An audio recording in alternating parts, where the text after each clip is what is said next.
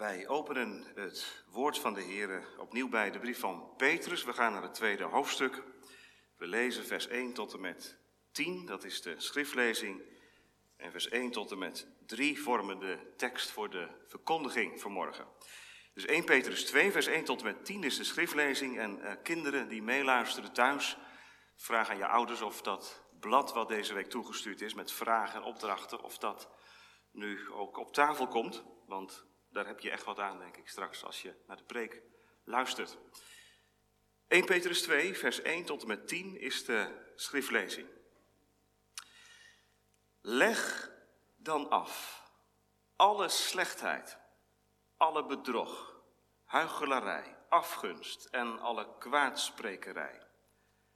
En verlang vurig als pasgeboren kinderen naar de zuivere melk van het woord, opdat u daardoor mag opgroeien indien u tenminste geproefd hebt dat de Heer een goede tieren is. En kom naar Hem toe als naar een levende steen, die wel door de mensen verworpen is, maar bij God uitverkoren en kostbaar. Dan wordt u ook zelf als levende stenen gebouwd tot een geestelijk huis, tot een heilig priesterschap, om geestelijke offers te brengen die God welgevallig zijn door Jezus Christus. Daarom staat er in de schrift, zie, ik leg in Sion een hoeksteen die uitverkoren en kostbaar is. En wie in hem gelooft, zal niet beschaamd worden. Voor u dan, die gelooft, is hij kostbaar. Maar voor de ongehoorzame geldt, de steen die de bouwers verworpen hebben, die is de hoeksteen geworden en een steen des aanstoots en een struikelblok. Voor hen namelijk, die zich aan het woord stoten, door ongehoorzaam te zijn waartoe zij ook bestemd zijn. Maar u bent een uitverkoren geslacht, een koninklijk priesterschap, een heilig volk, een volk dat God zich tot zijn eigendom maakte, opdat u de deugden zou verkondigen van Hem, die u uit de duisternis geroepen heeft tot zijn wonderbaar licht. U, die voorheen geen volk was, maar nu Gods volk bent. U die zonder ontferming was, maar nu in ontferming bent aangenomen. Tot zover de schriftlezing. Het zal vanmorgen gaan over puur, over zuiver verlangen. En dan letten we op twee punten. Allereerst is dat verlangen groeimiddel. Dat lezen we met name in vers 2. En het is ook tegengif. Dat is dan vers 1. Dus puur verlangen, zuiver verlangen naar de zuivere melk van het woord. Als groeimiddel, vers 2. En dan als tegengif, vers 1. En dan zal vers 3 daar ook bij betrokken worden. Gemeente thuis en hier vertegenwoordigd. Verlangen. Dat doen we van meet af aan. Zo komen we zelfs ter wereld. Dat weet je niet meer van jezelf. Maar als je in de fase van vaderschap of moederschap terecht gekomen bent, of misschien wel heel uh, recent gekomen bent, dan weet je precies waar het over gaat. En ik hoef jullie jonge mensen ook niets te vertellen, toch? Wat gebeurt er als een babytje geboren wordt? Als het tenminste gezond is, hè? als het voldoet aan alle voorwaarden. Dan gaat het verlangen. Dat zit erin. Wij mensen zijn verlangende wezens. God heeft dat verlangen blijkbaar in ons gelegd. En ook na Genesis 3 is dat verlangen hartstochtelijk aanwezig. Wij verlangen. Waarnaar? Nou, waarnaar verlangt nou een babytje? Naar moedermelk. Petrus gebruikt dat beeld. Verlang vurig als pasgeboren kinderen naar de zuivere melk van het woord, opdat u daardoor mag opgroeien. En dat is een zuiver verlangen, gemeente, een puur verlangen. Een goed verlangen. Er zijn ook slechte verlangens. Hè? Dat is ook onderdeel van de zondeval geworden. Dat onze verlangens, zoals Augustinus ergens zegt, zo ongeordend zijn geworden. Ze zwerven alle kanten op en dat merk je ook als je ouder wordt. Als je in de puberteit terechtkomt, allerlei verlangens komen boven. Die bereiken je hoofd en je hart en die nemen je in beslag. En je gedachtenwereld die wordt soms helemaal op gang geholpen door verlangens. Heel ingewikkeld ook hè.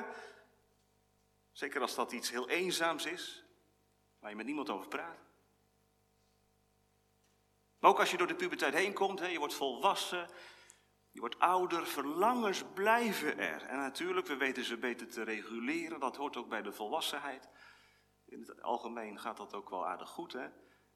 Maar diep van binnen blijven er van die verlangens, die, die onzuiver zijn, die niet puur zijn, die verkeerd zijn. Nou ja, vers 1 gaat ook over verlangens, komen we straks op. Dat zijn eigenlijk die onzuivere verlangens. Hè?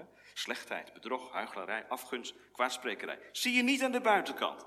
Zien we niet aan de gezichten af, maar zitten wel aan de binnenkant. En komen er soms ook heel naar uit. Puur verlangen.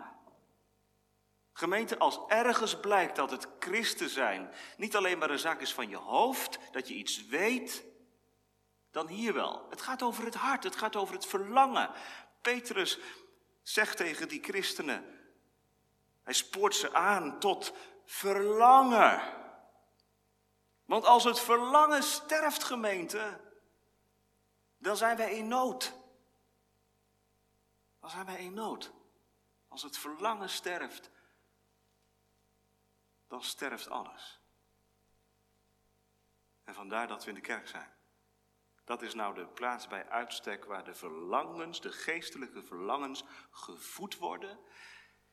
En al onze verlangens ook geordend worden. Oefenplaats van verlangen. Puur verlangen. Groeimiddel, tegengif. Allereerst groeimiddel. En ik begin bij vers 2 vanmorgen. En daarna zal ik naar vers 1 en 3 gaan. Want dat is de kern van dit korte stukje uit 1 Petrus 2. De hoofdzaak is verlang vurig naar de zuivere melk van het woord. Nou, ik heb net al gezegd, hè, gevraagd van wat gebeurt er met een babytje, wat ter wereld komt. Een babytje verlangt de borst van de moeder, naar de moedermelk. Die wil drinken en drinken en het gaat maar door. En dat is goed. Ik heb nog nooit een, een moeder horen zeggen dat is niet zo'n goed teken dat ons kind verlangt. Of dat het kind melk wil.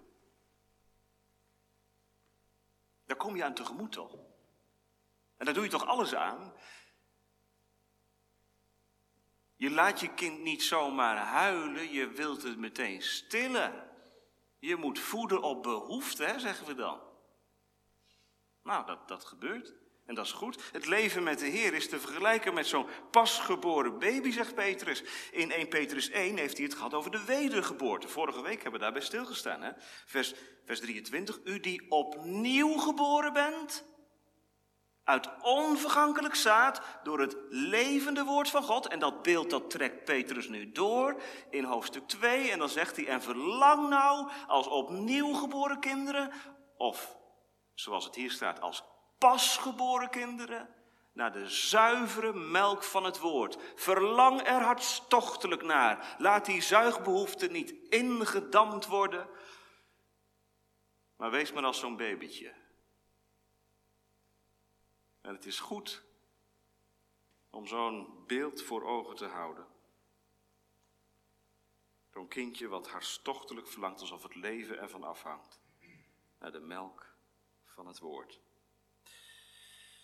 Het zou natuurlijk mooi zijn als dit de praktijk zou zijn van het geestelijke leven. Maar wat denkt u gemeente? Waarom, waarom roept Petrus hiertoe op? Omdat het niet vanzelfsprekend is blijkbaar. Hij zegt niet jullie verlangen vurig, maar hij roept op tot verlangen. Verlang vurig. Want als je de Heer kennen mag, dan weet je ook dat dat verlangen niet altijd aanwezig is, niet altijd maximaal is. Er kunnen allerlei omstandigheden zijn waardoor dat verlangen ingezonken raakt, wegsterft. En dat is een zaak om je zorgen over te maken, gemeente. Als wij bij onszelf deze morgen bemerken, deze week merken, dat het verlangen naar de zuivere melk van het woord weg hebt, dan moet je er vanmorgen van schrikken.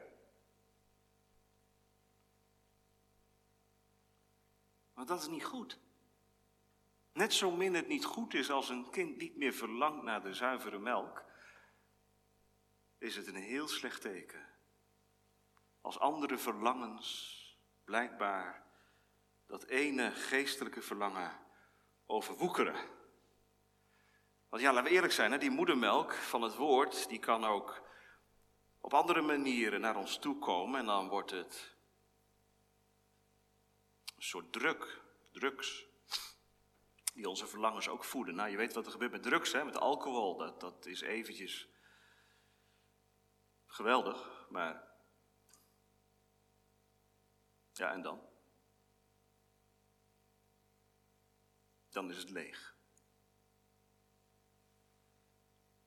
Al die verlangens in ons hoofd en ons hart naar. Wil je, dat, wil je het vanmorgen met mij invullen? Waar, waar heb je naar verlangd deze week? Gisteravond. Waar verlangde je naar? Probeer eens wat verlangens van de afgelopen week boven te halen. Waar heb je heel erg naar verlangd? En zou het kunnen dat die verlangens dit pure verlangen hebben overwoekerd deze week? Gemeente, we beleven een week van zelfbeproeving. En je kunt zeggen, ja, dat is een traditie, een gereformeerde traditie. Nou, ik ben er heel blij mee met die gereformeerde traditie. je kunt natuurlijk heel makkelijk ook zeggen, ja, we moeten ons iedere dag beproeven. Maar doet u dat? Ik, ik kom er niet iedere dag aan toe. Ik zal het heel eerlijk zeggen. Daarom die week van zelfbeproeving. Wat hebben we het nodig, hè? Opdat wij ons op de juiste wijze leren beproeven, is er ook vanmorgen een dienst die ons, die de week die voor ons ligt, in een perspectief plaatst. Hoe staat, het, staat het met ons verlangen? Is het verlangen ingezonken, verschraald? Dan onderstreept de Heilige Geest vanmorgen één woord heel nadrukkelijk: vurig en verlang vurig. En ik zeg er ook iets bij, want het kan zijn hè, dat u het gesprek aangaat met mij vanmorgen onder de preek en dan zegt u ja, er zijn allerlei vurige verlangens in mijn hart, maar dit vurige verlangen naar de zuivere melk van het woord, dat ontbreekt. Ik kan mijzelf toch niet een vurig verlangen geven? En dan zeg ik tegen u, maar God is een God die geeft wat je ontbreekt. En als dit nou de nood is van je hart, ik verlang heel vurig naar, behalve naar dit ene, zou dat dan niet het moment zijn, nu je luistert, vanmorgen, om die nood om te zetten in een gebed? O God, ik verlang naar verlangen, naar dit pure verlangen. Is er ergens in het woord een verbod te vinden om dat te bidden? Gemeente, wat kunnen we gemakzuchtig zijn? Hè? Dan kunnen we ook zo met de preek omgaan vanmorgen. Ja, dat, dat vurige verlangen, ja, ik ben zo druk en ik kom er niet aan toe. Ja, maar is het nou nood? Is het nou iets wat, wat je raakt vanmorgen? Nou, misschien is er wel iemand die zegt, ja, dat raakt me helemaal niet. Het verlangen naar het woord. Ja, maar wat gebeurt er dan? Als je nou niet verlangt naar de zuivere melk van het woord. Ik hoef u toch niet te vertellen wat er gebeurt met een babytje wat niet verlangt naar de melk. Wat gebeurt er met zo'n babytje? Ja, dan gaat het ziekenhuis toe. En dan? Ja, dan krijgt het andere voeding. Ja, natuurlijk, we leven in een land, hè, in, een, in een wereld waarin er heel veel gelukkig gerepareerd, opgelost kan worden. Maar dat gaat soms ook heel erg mis, hè? Als een kind niet verlangt en er geen hulp komt, sterft een kind. Nou, dat is dan de andere kant, gemeente, en dat zeg ik ook maar vanmorgen. Wie niet verlangt naar de zuivere melk van het woord, die sterft weg.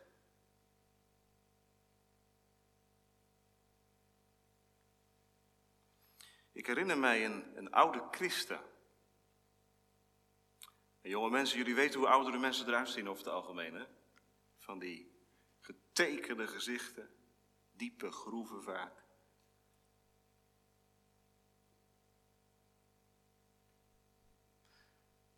Zou je oud willen worden? Zou je oud willen zijn, moet ik ze eigenlijk vragen. Zou je oud willen zijn? Liever niet, hè? Je toch liever jong zijn? vitaal zijn, alles kunnen. Als je oud bent, zoals je opa en je oma, word je beperkt. Heel beperkt. Ik herinner mij een hele oude christen die heel beperkt was. Aan wie ik moest denken bij Psalm 92.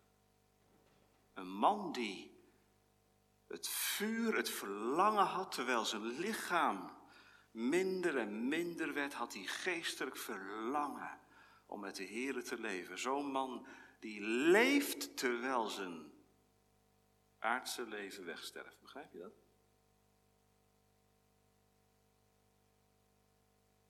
Als dit verlangen naar de zuivere melk van het woord geen onderdeel is geworden van je leven, dan hou je niets anders over dan ook alleen maar dit oppervlakkige leven. En laat die nood van morgen je aan God verbinden.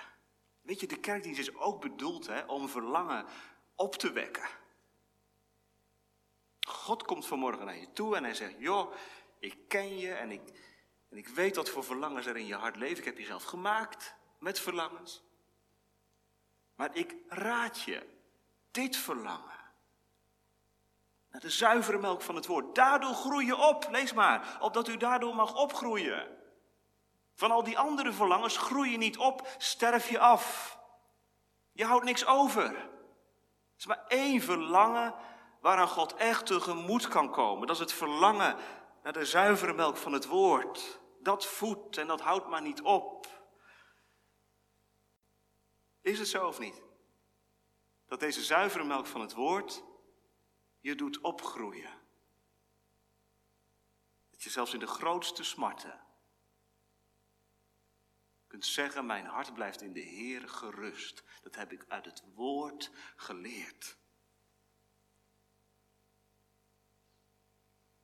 Petrus gebruikt het beeld van de kinderen, pasgeboren kinderen, niet alleen omdat de gemeenten aan wie hij schrijft jonge christenen bevat. Christenen die net tot geloof gekomen zijn. Nee, hij gebruikt dit beeld als een beeld wat hoort bij ieder christen. Of je nou 30 of 50 jaar de Heer mag kennen, of nog maar twee weken bij wijze van spreken. Je blijft in die zin een pasgeboren kind. Wat vurig verlangt naar de zuivere melk van het woord. En zoals de moedermelk in iedere fase van het baby zijn weer nieuwe stoffen bevat, zodat het kind opgroeit en opgroeit, zo bevat de zuivere melk van het woord alle bouwstoffen die je nodig hebt om te groeien, om weerbaar te worden. En nou is het volgende week avondmaal. En u vraagt zich misschien af, ja, wat is nou nodig voor het avondmaal? Wat is nou nodig om aan te gaan?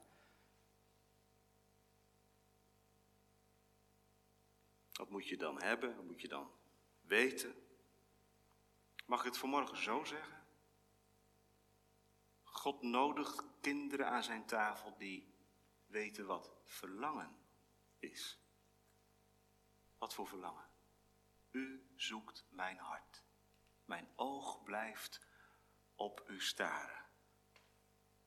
Maak in uw woord mijn gang en mijn treden vast. Is dat je verlangen? Neem mij bij de hand, heren, want ik ben het leven. Ik raak de weg, het spoor bijster, de weg kwijt. Maar neem mij bij de hand. Is dat, is dat gebeurd in je leven? Dat het verlangen gericht is geworden op iets buiten jou, op iemand buiten jou, die in de tekenen van brood en wijn zijn kinderen voedt en versterkt. Je kan het ook anders zeggen. Heeft de Heer Jezus Christus smaak voor je gekregen? Alles wat aan Hem is. Dat is zo aantrekkelijk, zo begerenswaardig. Hij is mijn gerechtigheid. Hij is mijn heil. Hij is mijn heiligheid. Hij is mijn leven. Je kunt niet alleen maar kerkdienstchristen zijn, gemeente, om voor Gods aangezicht te leven. Wat bedoel ik met kerkdienstchristen? Nou, dat zijn mensen die zeggen, ja, de zondag heb je eigenlijk genoeg, hè. Twee keer naar de kerk, dat houden we erin. En dan door de week, ja, dan gaat het alle kanten op. Nee, die zondag is bedoeld om het leven door de week te reguleren. Vanmorgen hoor je het, hè? Verlang nou naar de zuivere melk van het woord.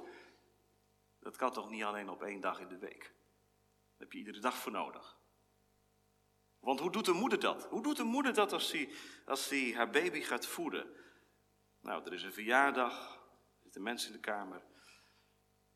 Het kind gaat huilen. Wat zegt moeder? Ik trek me even terug. Ik ga even in een andere kamer zitten. Waarom? Nou ja, je weet wat er gebeurt natuurlijk als een moeder met baby in de kamer blijft zitten. Het kind hoort zoveel. Dat is niet geconcentreerd op die melk in het. Die melk die gegeven wordt. Nou, als je een beetje meepreekt vanmorgen, weet je wel waar de Heer je hebben wil, toch? Waar, waar is de stille tijd? Waar is die tijd voor Hem? Waar is de afzondering? Christen heeft afzondering nodig. Tijden, en we gaan voor elkaar niet uitmaken hoeveel en wanneer. Maar een christen heeft tijden nodig van afzondering. Dat je even aan de zijlijn komt. Iedere dag weer. Die zuivere melk van het woord, geconcentreerd, tot je kunt nemen. Rust dus. Want anders, dan gebeurt er van alles en dan word je niet gevoed, herken je het? Je hebt echt die afzondering nodig. Waarom dan? Opdat u daardoor mag opgroeien. Wil je staande blijven in de strijd met de Satan? Wil je staande blijven tegen die vleeselijke begeerten die oorlog voeren met je ziel? Dan heb je deze zuivere melk nodig. Die moet ingedronken worden. Je bidt toch aan het begin van de dag, Heer, maak in uw woord mijn gang en treden vast. Geef dat ik deze dag niet zal struikelen, maar het spoor achter u aan mag gaan. Geef dat mijn oog op u mag letten. Dat is je gebed aan het begin van de dag. Maar dat gebed, gemeente, is een, is een holle klank als het woord niet open gaat en de zuivere melk van het woord niet naar je toe komt.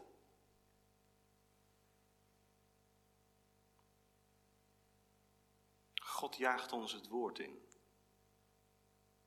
Waarom doet hij dat? Hij heeft het beste met ons voor.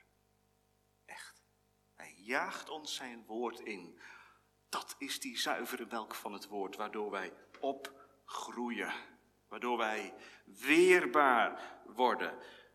Het wel eens gehoord van John Bunyan? John Bunyan. Spurgeon zei eeuwen later over John Bunyan. Die man had bibline in zijn bloed. Bibline in zijn bloed. Wat is dat nou weer? Spurgeon zei in een preek een keer over hem. Overal waar je hem prikt, komt er bibline uit. Geen bloed, maar bibline. De Bijbel. De man was zo gedrenkt in het woord van God. Dat zijn denken en zijn doen. Dat daar het woord in meekwam. Een mens zal bij brood alleen niet leven. Jonge mensen, we kunnen niet bij de alledaagse dingen leven, maar bij ieder woord wat uit de mond van God uitgaat. En we hebben vandaag gemeente een dag van de Heer gekregen om dat verlangen te voeden. Gebruik dat ook, ouders, om deze dag een dag van verlangen te zijn. Praat erover. Ja, dat vind ik moeilijk met mijn gezin. Nou, dan begin je er vandaag maar mee. In alle moeilijkheid en het zoeken naar woorden. Want weet je, hoe gaat dat? Stel nou voor. Stel nou voor, je hebt een vakantie geboekt. En die vakantie staat gepland voor april. En je gaat naar een gebied waar je nog nooit geweest bent. Maar je hebt plaatjes gezien en het moet geweldig zijn. Hoe gaat dat dan in een gezin? Daar ga je over praten. En hoe langer je erover praat, hoe meer je erover droomt, hoe meer verlangen je ernaar krijgt. Cultiveer het verlangen. Ouders, door er samen over te praten. Het is geen argument om te zeggen: Ik heb het nooit gedaan, ik weet niet hoe het moet. Begin er dan samen mee en maak er een gebedspunt van. Heere, geef dat we in ons gezin die dingen openbreken. Want als we het overal over hebben, maar het niet kunnen hebben over het hart en wat erin omgaat. Dat zou echt hol zijn. Puur verlangen, groeimiddel. En tegelijk, en dat is de andere kant, het is ook tegengif. Zoals de moedermelk van een moeder zorgt voor groei, zorgt het ook voor afweerstoffen. Ik heb er wel eens laten vertellen dat het niet zo goed is als die moedermelk. Hè. Flesvoeding, ja, het is natuurlijk een alternatief. Maar wat is er beter dan als het kan en gaat? De pure, zuivere moedermelk. Er zit alles in wat een baby nodig heeft om groter en groter en groter te worden. En dus ook, en daar kom ik dan nu op, afweerstoffen. Want Petrus heeft het in vers 1 over die onzuivere dingen. Leg dan af alle slechtheid, alle bedrog, huichelarij, afgunst en alle kwaadsprekerij. En u ziet, dat verbindt hij aan vers 2. En verlang. Met andere woorden, door dat verlangen naar de zuivere melk van het woord gebeurt er ook wat met al die onzuivere verlangens. En dat is ook de bedoeling.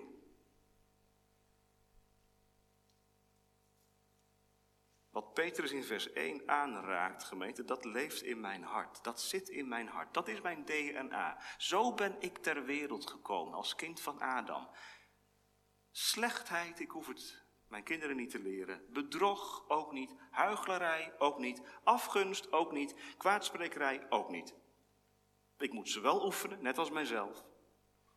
In het vurig verlangen naar de zuivere melk van het woord. Waarschijnlijk gaat het bij u niet anders.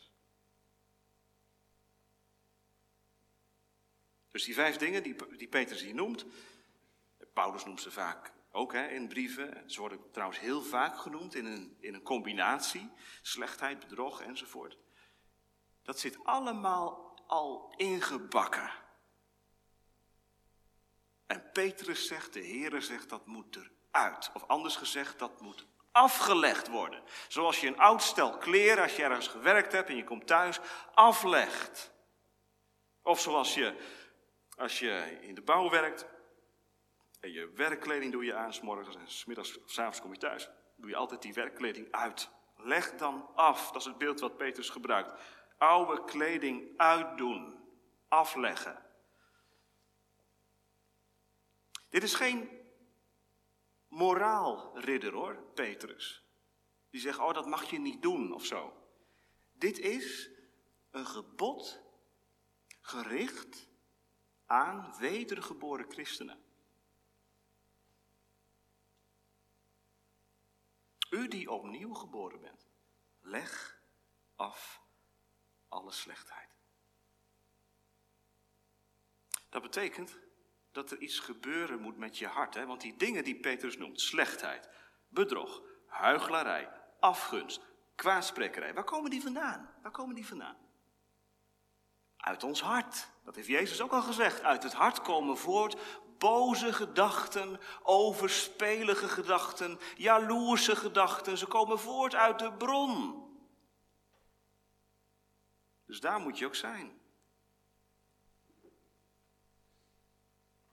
Ze zitten in mijn hart. Het is een varkenschuur, kinderen. Ons hart. Echt, een varkenschuur. Ben je wel eens in een varkenschuur geweest? Ik wel. Ik wist niet hoe snel ik er weg moest komen. Wat een stank. En wat mij nog het meest opviel, was dat de eigenaar van de varkensschuur nergens last van had. Komt dat? Ja, die man die leefde daar de hele dag in. Het was zijn werk. Hij keek verbaasd. Stinkt het dan? Ja, vreselijk. Als je het niet gewend bent, dan is het een stank. Maar als je erin leeft,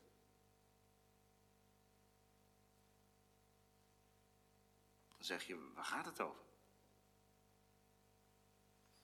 Leg af alle slechtheid, alle bedrog, alle, let u erop, slechtheid, is een totaal wat Petrus hier bedoelt. Want het zijn zonden die horen bij het oude bestaan zonder God. Het zijn ongeregelde hartstochten die passen bij een leven waar Christus niet beleden wordt als hoogste Heer. Het past bij het oude bestaan van Adam, maar niet bij het nieuwe bestaan van een christen. En om te voorkomen dat die slechte begeerten de overhand krijgen, verlang dan vurig naar de zuivere melk van het woord. Maar dat is niet genoeg, zegt Petrus. Het, is, het werkt dus niet zo dat wie, wie vurig verlangt naar de zuivere melk van het woord en, en stille tijd houdt en met de Heer omgaat, dat is niet genoeg. Er moet ook een, een daadwerkelijke kans zijn. Hè? Leg af. Dat hoort erbij, dat gaat samen op. Het komt ons ook niet aanwaaien. Je kunt ook niet zeggen, ja, daar kunnen, kunnen we niks aan doen. Dat moet de Heilige Geest doen. Nee, de Heilige Geest gaat voor ons niet heilig leven. De Heilige Geest is wel de bron van de heiliging, zonder meer. Maar ik heb de verantwoordelijkheid voor mijn gedrag. En daarom zegt Petrus heel terecht, leg dan af. En hij noemt het gewoon bij namen. Zullen we dat vanmorgen ook doen? Het bij namen noemen. Al die vijf dingen, wat betekent het? Gemeente, je kunt praten over het kwaad en over zonden en over slechte dingen, maar dan bekruipt u ook het gevoel hè, van waar, waar gaat het dan over? Wat is dat, zonden, kwaad? Nou, Petrus benoemt het heel concreet. Vijf dingen. En we zien deze morgen in deze voorbereidingsdienst het kwaad in het gezicht en mijn gebed is dat de Heilige Geest het gebruikt als een soort röntgenstraling in mijn en in uw en in jouw leven, die die plekken die niet goed zijn aan het licht brengt. Slechtheid. Dat is het eerste woord. Dat is een heel algemeen woord, slechtheid. Maar het gaat hier vijf keer over relaties. Want slechtheid en bedrog en huichelarij en afgunst en kwaadsprekerij, dat gaat altijd over iemand anders. Het is ook niet zo vreemd hè, dat Petrus deze dingen noemt, omdat hij het heeft over het leven in de gemeente. In 1 Petrus 1, vers 13 tot en met 25 ging het over broederliefde. Toen heeft hij het heel positief onder woorden gebracht. Hè? Ik roep u op tot ongeveinsde broederliefde. En nu? Nu benoemt hij het op een andere manier. Maar dan noemt hij de negatieve dingen bij naam. Slechtheid, dat is al die slechte bedoelingen van mij, waardoor ik een ander bewust onder druk zet. Dat zijn al die gedachten en woorden waardoor ik de harmonie niet zoek, de verbinding niet zoek, maar voortdurend vanuit een tegenover denk. Slechtheid, dat is alles wat de broederliefde verzuurt. Al die impulsen die in mijn hart naar boven komen, die in mijn gedachten postvatten en die soms eruit komen in woorden en gebaren en daden en acties. Dat is de slechtheid. Bedrog. Alle bedrog. Bedrog, dat is dat je de waarheid over een ander bewust verdraait. Of een deel van de waarheid zo benadrukt dat het evenwicht wegraakt. Je hebt iets gehoord over iemand. En ik denk, oh, als het zo is. En je vult dan al heel snel iets in. Dat is bedrog. Huichelarij. Dat woord zet Paulus tegenover de ongeveinsde broederliefde. Wat is huichelarij? Ja, dat is toneelspelen. Als ik met een, met een, een smile iemand begroet of groet en van binnen denk, man, schiet toch op. Dan ben ik bezig met huichelarij ben ik niet echt. Dat is slecht. Afgunst. Wat is dat? Dat is jaloezie. Dat is in plaats van het beste voor iemand anders hopen, het slechtste voor iemand anders hopen. Hopen dat een ander uitglijdt, dat anderen het zien, dat die persoon iets meemaakt, waardoor die valt, waardoor ik mijzelf omhoog kan werken. Of je hebt last van jaloerse gedachten, je ziet bij iemand iets wat je eigenlijk bij jezelf mist. En dat roept allerlei afgunstige gedachten op. En dan kwaadsprekerij. Dat zijn kwalijke dingen die je hoort over een ander, die doorvertellen. Of ze horen en daarmee je eigen beeldvorming in stand houden. Kan natuurlijk ook, hè?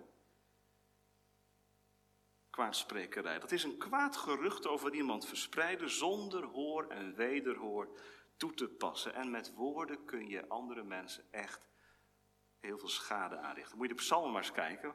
David heeft daar heel veel last van, van mensen die met woorden hem pijn doen. Hun tongen zijn als zwaarden, zegt hij. Dus met kwaadsprekerij kun je iemand geweldig beschadigen. Dat kan ook heel geniepig, hè? Iemand komt bij je en die, iemand komt bij mij en die zegt: Heb je gehoord dat? Ja, ik hoop natuurlijk niet dat het zo is, maar. Nou, je hebt al meegedaan aan kwaadsprekerij. Ik hoop niet dat het zo is, maar je hebt wel gezegd. Kwaadsprekerij. Wat een akelige woorden, gemeente. Wat een akelige werkelijkheid. Het zit in mijn hart. Want weet je wat nou het risico is? Dat ik al die vijf woorden, die we even heel kort met elkaar langs gingen, gaan betrekken op die of op die. Gaat heel snel, hè? Dan denk je, oh ja, dat zal wel over die gaan en dat zal wel over die gaan. En vanmorgen hebben we gelezen, en ieder bedenken bij zichzelf. Zijn zonde en vervloeking. Zullen we dat doen, gemeente? Zullen we dat ook gewoon doen? Bij onszelf. Onze zonde en vervloeking bedenken. En wie kan dan vanmorgen zeggen van nou, dat zijn wel hele zware woorden van het voorbereidingsformulier. Als we die vijf dingen nou eens bekijken, gemeente heb je toch je handen vol aan, of niet? Slechtheid, bedrog, huichelarij, afgunst, kwaadsprekerij. We hebben toch stof tot verootmoediging te over. En ieder bedenken. Maar laten wij niet in deze zonde blijven liggen. Leg af. Wilt u opgroeien? Leg het dan af. Hoe dan? Verlang vurig naar de zuivere melk van het woord. Laat je corrigeren door het woord. Ga om met het woord en laat de Heilige Geest deze afschuwelijke dingen onderstrepen. Om ze af te leggen. Dat is de bedoeling. Iedere dag. Het is niet zo dat als je ze één keer aflegt, dat ze dan niet meer terugkomen. Dit vraagt iedere dag om een leven met het woord en een afleggen van alle slechtheid. Een strijden tegen die gedachten die een ander het vloerkleed onder zijn leven vandaan trekken, waardoor die struikelt. Of hebt u niet geproefd dat de Heer goede tieren is? Vers 3. Daar eindigen we mee. Dat is een citaat uit Psalm 34. Petrus die gaat hier geen onzekerheid invoegen. Zo van, ja, hebt u wel geproefd dat de Heer goede tier is? Nee, dat bedoelt hij niet. Hij bedoelt hier, u hebt toch geproefd dat de Heer goede tier is? Zo moet je het lezen. Dat hebt u toch ondervonden, ervaren, bevonden? Psalm 34 is een context van lijden. Achimelech, die zit David op de hielen. En in het midden van al die benauwdheden, David die raakt kluts kwijt, roept hij tot de Heer, o God, red mij uit al die benauwdheden. Ik weet het niet meer. Ik weet het echt niet meer. En dan, dan maakt hij mee dat God zich ontfermt terwijl hij helemaal onthand is. Dat is Psalm 34. En dan gebruikt Petrus het woord goede tieren. Dat is een hele treffende samenvatting van wie God is. God is een God van goedertierenheid, die uit de benauwdheid redt. Je niet laat vallen als anderen je laten vallen. In de nood mijn redder is geweest. Dat. Heb je dat geproefd? Dan is het avondmaal een pleisterplaats. Want dan mag je ook proeven en smaken dat God goed is. Ik vind het prachtig, gemeente, dat Petrus hier dat woord proeven gebruikt. Daar zit de smaak in. Dat is heel, heel werkelijk. Ik heb geproefd, ervaren dat God goed is. Zoals de zuivere melk smaakt naar meer. Zoals Christus smaakt naar meer. Zo zet God zijn tafel midden in de gebrokenheid van mijn leven neer. Die smaakt naar meer. Waarnaar? Naar wat komen gaat. Waar alles afgelegd zal zijn. Wat mij nu nog zoveel leed berokkent en anderen leed berokkent. Die slechtheid en huichelarij. Het avondmaal is bedoeld in oefening van verlangen naar wat komen gaat. Maar tot die tijd zegt de Heer, ik voed je met honger en ik laaf je met dorst. Ik voed je met honger en ik laaf je met dorst. Zo ga ik met je om. Want hier en nu wil ik blijvend onderstrepen dat ik goede tieren ben. En daarom is het goed dat het leven niet af is en perfect is. En dat ik hier het lek niet boven water krijg. Zo alleen, in die context van benauwdheid, proef en smaak ik dat God goed is. Gemeente welzalig allen die tot Hem toevlucht nemen. Amen.